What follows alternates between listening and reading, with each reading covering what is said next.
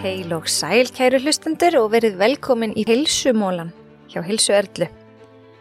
Þetta verða svona stuttar útgáfur af hlaðvarpinu með lífið í lúkunum, bara svona litlir fræðslu mólar, örstuttir þættir sem að geta haft jákað áhrif á hilsu okkar og líðan.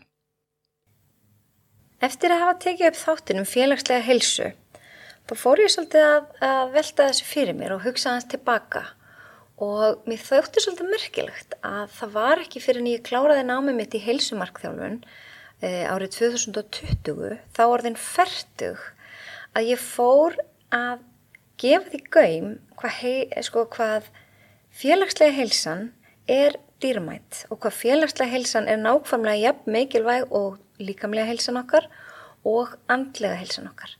Enda er skilgreining alþjóða heilbreyðsambandsins svo að heilsa er andleg, líkamleg og félagsleg veljan en ekki engungu það að vera laus við sjúkdóma eða örorku. Og þetta segir okkur það að allir þessi þrýr þættir eru nákvæmlega jafn mikilvægir og við verðum einhvern veginn að finna jafnvægi og finna okkar jafnvægi. Og þegar ég var búin í helsumarkþjóðlunáminu þá fór ég að velta þessu svolítið mikið fyrir mér og komst að því að ég er alls ekki svo eina sem er í þessum sporum. Mér grunar að Ástæði þess að ég hafði ekkert mikið velt þessu fyrir mér var að ég hafði ekki upplifað félagslegt helsuleysi ef að svo múið komast að orði.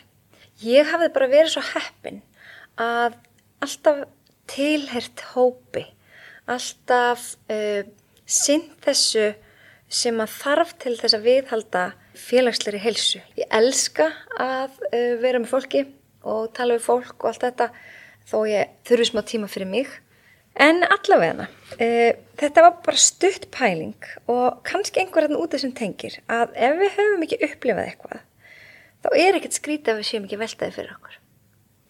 Og sama með andleguhelsuna ef við höfum aldrei þurft að glýma við einhverja andlega kvilla þá kannski áttum okkur ekki á hvað hún er ótrúlega mikilvæg andlega helsan og sama með, með líkamlega helsuna ef við höfum alltaf verið bara líkamlega hraust þá hefur við ekkert endilega þurft að spá í því hvað líkamlega heilsan er dýrmætt.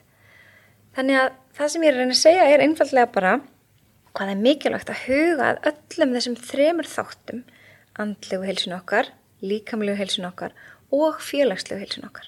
Og þetta tengist allt saman. Af því að ef að eitt þessar atriða fer úr jafnvægi, þá hefur það áhrif á hinn. Það hefur bara sínt sig að við fáum líkamlega enginni ef við erum að glíma við andleg veikindi eða félagslega illastöld þá bara kemur það út í líkamlegum enginum og öfugt. Þannig að við þurfum öll að líta inn á við. Við þurfum öll að líta á hvað þarf ég, hvað þarf ég til að mér líði vel. Hvernig finn ég mitt jafnvægi?